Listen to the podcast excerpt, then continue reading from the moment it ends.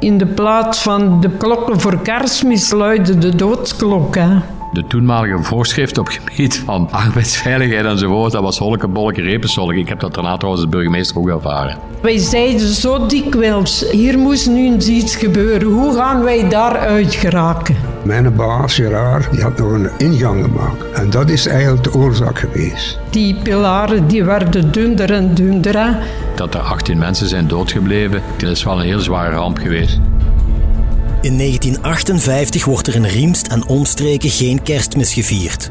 In plaats van engelengezang weer klinken de doodsklokken. Want op 23 december vallen in Ziggezoese Bolder 18 slachtoffers bij de instorting van de Roosburg, waar ondergronds champignons worden geteeld. Dat de voormalige mergelgroeven niet eerder bezweek onder het gewicht van de berg mag een wonder heten.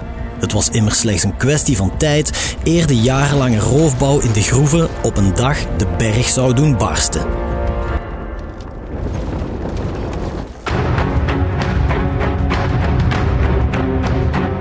Van de Bijbelse apocalyps tot Hollywoodfilms over allesvernietigende catastrofes. Al sinds het begin der tijden rijgt de mensheid haar bestaan aan elkaar met rampspoed, in alle mogelijke vormen en gedaantes. Onbedwingbare natuurkrachten zijn vaak de oorzaak. Maar ook het handelen van de mens zelf ligt dikwijls aan de basis van dodelijke rampen. Denk maar aan ontelbare oorlogen. Of aan de miljoenen slachtoffers van branden, explosies en andere noodlottige ongevallen met een fatale afloop. Onze provincie blijft niet gespaard, zo zal u merken in deze reeks over Limburgse rampen. Telkens opnieuw nemen we u mee naar de plek van het onheil en reconstrueren we minuut na minuut het hele gebeuren, samen met zij die erbij waren. Ik ben Geert op Teinde en ik ben graag uw gids in Het Rampenplan. De Roosburgramp, deel 2. Een drama waiting to happen. We zeiden nog in de plaats van de klokken voor kerstmis luiden, luidde de doodsklok. De doodsklokken hebben verschillende keren geluid toen. Hè. Het was begrafenis in het Sus, het was begrafenis hier. Ja, daar, iedereen stond daar stil bij. Hè. Want er waren mensen ja, van het Ziegen, van het Sus, eh, van Valmeer, van Herderen, uh, van, van over, overal waar je ging en deed geen krant open of iets. Het was al, altijd van instorting in het Ziegen. Hè. De 78-jarige Rita Jonge, 14 op het moment van de ramp, is een van de weinige vandaag nog levende slachtoffers die de Roosburgramp kunnen navertellen. Enkele uren nadat ze uit de ingestorte berg kan ontsnappen, staat ze oog in oog met toenmalig koning Boudewijn, die samen met zijn broer Albert de plek van de ramp komt bezoeken. Ik zie de koning nog met Albert. Ja, en wij zagen hem daar met de mensen praten, want uh, Jean Jonge, zijn ma, die stond daar.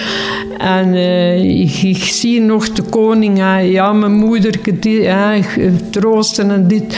Ja, ja, maar jij hebt goed praten, maar mijn zoon is wel weg. Maar die moeder heeft dat ook niet kunnen overleven. Hè. Die is zo kort daarna gestorven, echt van verdriet. Die, die vrouw die kon daar echt, echt, ja, ze is gestorven daardoor. Rita's anekdote schetst een tragisch beeld van het onpeilbare leed waardoor zoveel gezinnen in Ziggezoese Bolder getroffen zijn. Ook Jan Peumans, ereburgemeester van Riemst, heeft een slachtoffer in zijn familie. Ik heb ja, het drama van de Roosburg, Ziggezoese Bolder, toch wel voor een stuk meegemaakt. Weliswaar als een manneke van zeven, bijna acht jaar eigenlijk. Omdat er een uh, neef van mij, Willy Duchateau, zoon van een uh, zuster van mijn vader. Die is toen uh, op 1 of 22-jarige leeftijd is die dus doodgebleven. Willy was zo de man waarmee ik, als ik uh, geen school had en zo, want wij woonden twee huizen verder eigenlijk ten opzichte van waar Willy woonde. Dan ging ik met hem het veld in. Hè. We gingen dan klaver, klaver halen voor de, voor de paarden. En hij nam mij dan altijd mee. Willy is een vriendin die was volgens mij ook actief in de ondergrond als, als uh, champignonplukster.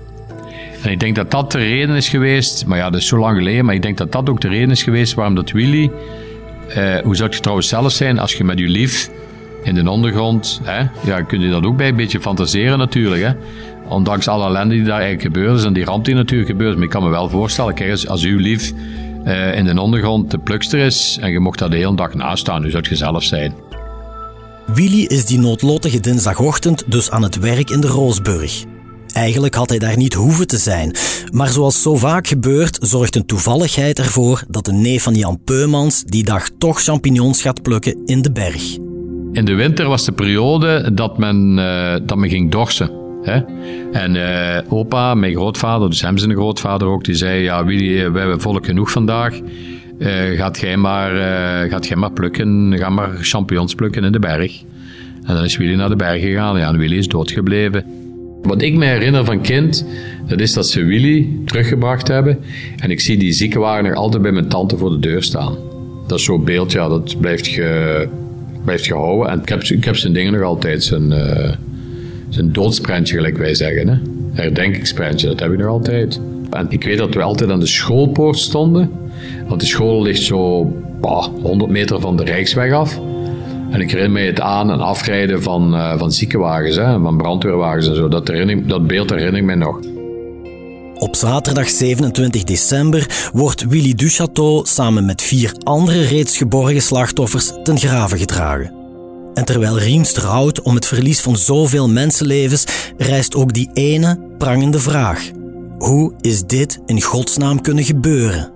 Voor het antwoord moeten we terugkeren in de tijd, naar de prehistorie zelfs, in een korte geschiedenisles door Jan Peumans. De merel zelf is ontstaan in het uh, krijttijd, hè, want men, noemt dat ook krijt, kalk, ja, ze geven er allerlei benamingen aan. Maar wat natuurlijk wel uh, oorspronkelijk eigenlijk ons verre voorouders, die gebruikten eigenlijk de silex, de vuursteen, die gebruikten ze om daar werktuigen van te maken. Hè. Dat is iets wat heel scherp kan zijn.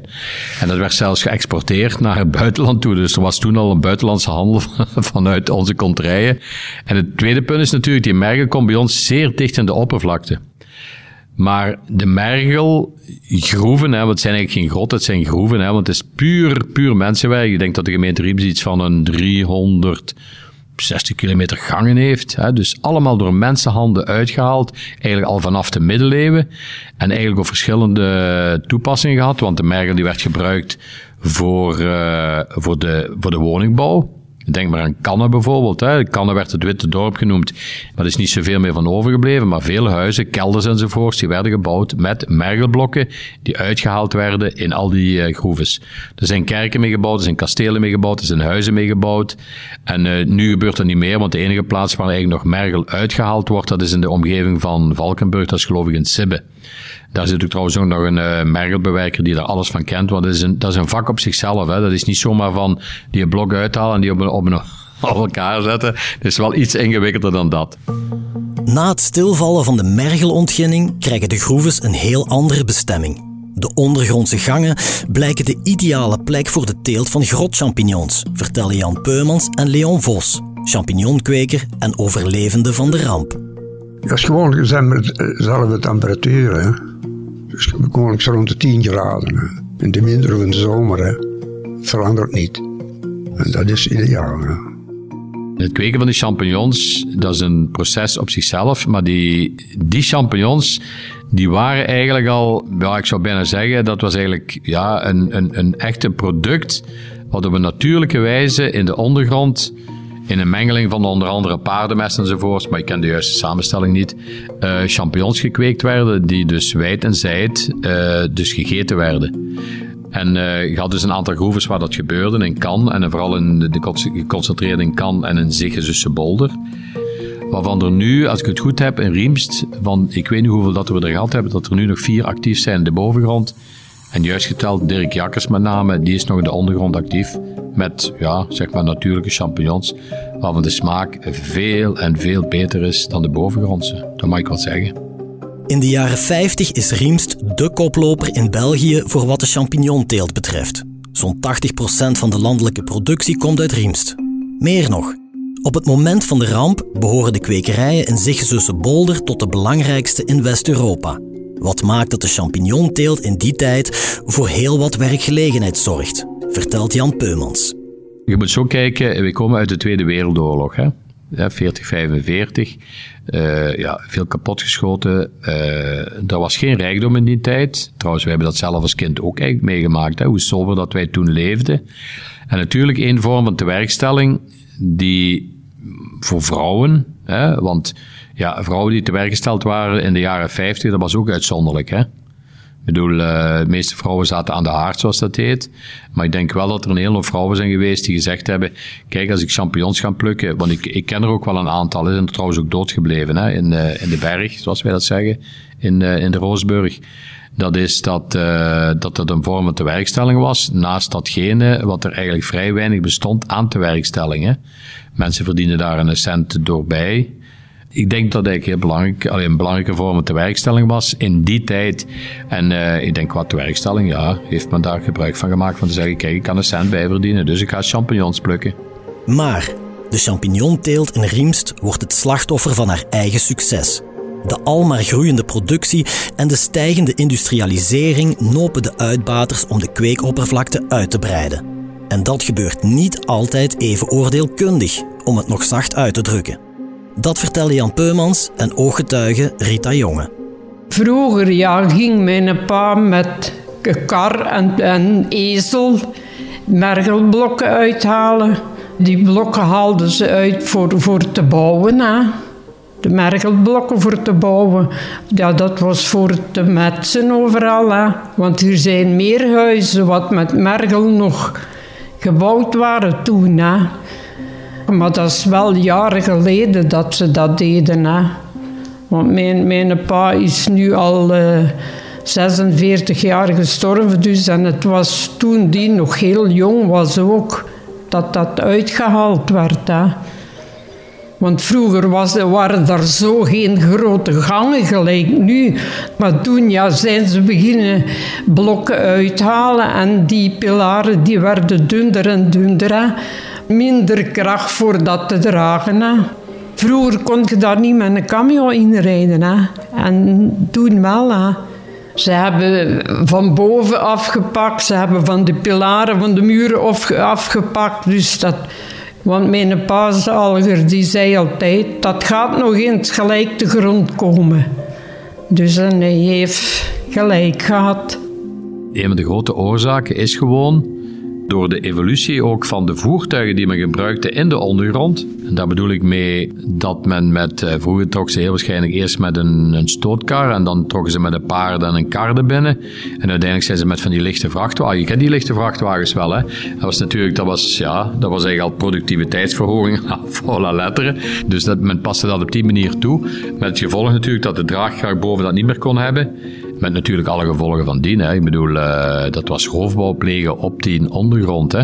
Want ik weet dat wij de grotten van het Avergat, hè, waar trouwens uh, bezoekers komen. Ik weet dat wij, toen ik burgemeester was, dat wij een Europees project hebben ingediend om dat te verstevigen. Hè. En die versteviging was eigenlijk vrij eenvoudig. Je moet alleen zorgen dat die pilaren dat die niet verder kunnen scheuren, want dat geeft een domino-effect. De jarenlange ongecontroleerde roofbouw op de steunpilaren van de groeven lijkt inderdaad aan de basis te liggen van de Roosburgramp. Maar de directe aanleiding van de instorting zou wel eens een beslissing van het management kunnen zijn, die zeer kort voor de ramp werd uitgevoerd. Dat is althans de mening van de nu bijna 90-jarige Leon Vos, die bij het drama zwaar gewond raakte. Mijn baas, Gerard, die had nog een ingang gemaakt. En dat is eigenlijk de oorzaak geweest. Er waren drie, drie ingangen. De Walenberg, de Driedagenberg en de Grote Berg. Maar tussen de Grote Berg en de Driedagenberg, daar had mijn baas, Gerard, nog een ingang gemaakt. Voor niemand meer in de weg te lopen. En dat is eigenlijk de oorzaak geweest. Die ingang, eigenlijk, die heeft een heeft dat gewerkt hè, op die slechte pilaren. En toen is het ingestort. Ja. De gebrekkige veiligheid door de verzwakte pilaren, dat is één ding.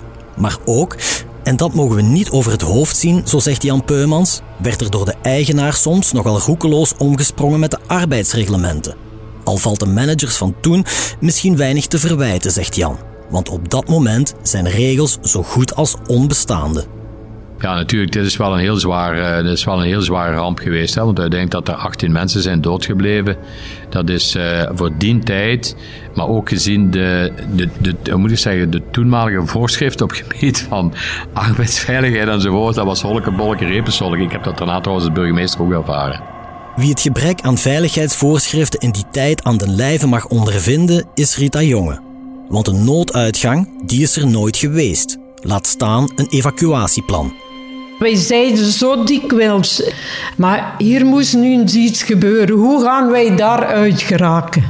Want niemand had ons ooit een weg gewezen waar moest iets gebeuren langs daar of langs daar kunt gegaan. Dat wisten wij niks. Niks, zelfs die mannen niet wat, wat bij ons waren. Dat daar nooit, nooit over gebabbeld van moest iets gebeuren, moet je langs daar of langs daar gaan. Nooit, nooit iets van, want wij wisten niks. Wij kenden alleen onze weg ingaan, waar we onze fiets zetten, waar we gingen eten. En, en meer, meer wisten wij niet. Ook na de ramp is er niet meteen beterschap in zicht met betrekking tot de veiligheid van de plukkers. Want slechts enkele dagen na het drama wordt Rita opgeroepen om opnieuw in de Roosburg aan het werk te gaan. En wel vlakbij de plek van de instorting. Daarna zijn wij terug in de berg gaan werken. Hè. En we kwamen op een morgen daar. Oei, weer ingestort. En toen kwam onze baas en toen zei hem, er is niks gebeurd, je mag allemaal naar binnen. En dan zeiden die, je hoeft geen schrik meer, want ze hadden daar een dikke muur gemet. En uh, toen zeiden die mannen, je hoeft niet bang, je kunt met een gerust hart blijven plukken. Maar achter de muur is alles ingestort. Maar ze lieten ons weer binnengaan. Ze lieten ons weer binnengaan. Het zou een van de laatste keren zijn dat Rita de Roosburg is binnengegaan. Want korte tijd later wordt de groeve definitief gesloten. Maar enthousiast als Rita is, kan ze wel nog in een kwekerij op een andere locatie terecht. En toch verandert er ook daar weinig op het vlak van de arbeidsvoorschriften. Als tiener is Rita immers te jong om in de ondergrond te mogen werken. Maar daar hebben de bazen creatieve oplossingen voor, zo blijkt. Er was regelmatig controle. En op een dag zei de baas: Vandaag moet je stil zijn. Er wordt geen, geen show gespeeld, want er komt controle. En het licht was uit, het groot licht was uit. We hadden dus alleen ons lamp, maar als we hoorden praten, moesten we ons lamp uitdoen. En we hoorden praten en we liggen, moesten op onze buik liggen tussen de rijen in. En we zagen die mannen dus passeren. En dan waren we moeten, niet meer tot hoe laat, in de berg blijven. En aan het café, daar stond controle. En voor op Sussen te gaan, daar stond controle. En wij over het veld, door de bieten heen, over het veld. En tussen de struiken, politie, stop, stop, ik zeg nee, mijn pa heeft gezegd, je mag voor niemand stoppen. Ja, toch gestopt. Ja, hoe oud zijt je? Ja. Toen, was ik 16, geloof ik. Enfin, ik was te jong voor onder de grond te werken. En schreven ze van alles op. En dan moest ik tegen zeg nee. Mijn pa zegt dat ik nooit niks mag tekenen. Dan zullen we straks naar pa komen. En die zijn twee, drie avonden thuisgekomen. Ja, pa is nog niet thuis van het werk. En toen mijn pa speelde met de duiven, toen ging ik in het duiven zetten, omdat mijn pa niet thuis was. En ze reden naast me door, deden het raam kopen. Veel geluk met die duiven, hebben nooit meer gehoord. Morgen in deel 3 van De Roosburgramp. Er liggen elf mensen nog onder de grond en dat vind ik dan erg. Ik denk dat dat toch voor een aantal mensen toch wel een trauma geweest is. Dat je eigenlijk degene die afgestorven is nooit meer gezien hebt. Hè? Hoe ouder je wordt, hoe meer dat je daaraan denkt. Ja, ik vind dat zoiets niet mag vergeten worden. Ik zie dat nog voor me. Ik zie ons daar nog springen en lopen. Kun je dat helemaal voorkomen? Nee, kun je niet helemaal voorkomen. Wat ik toen gezien heb, dat blijft altijd in mijn geheugen zitten. Die mensen die je gekend had, waren vrienden, hè? Ja.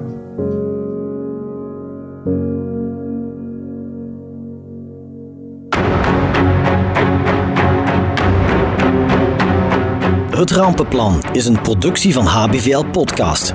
Deze reeks wordt samengesteld door Geert op Teinde. De audioproductie is in handen van de buren. Coördinatie door Cato Poelmans. Geert Nies is chef podcast. Reacties zijn welkom via podcast@hetbelangvanlimburg.be. Benieuwd naar wat er in de wereld gebeurt en wat dit juist betekent voor onze provincie? Ontdek onze voordelige leesformules op hbvl.be/voordelig.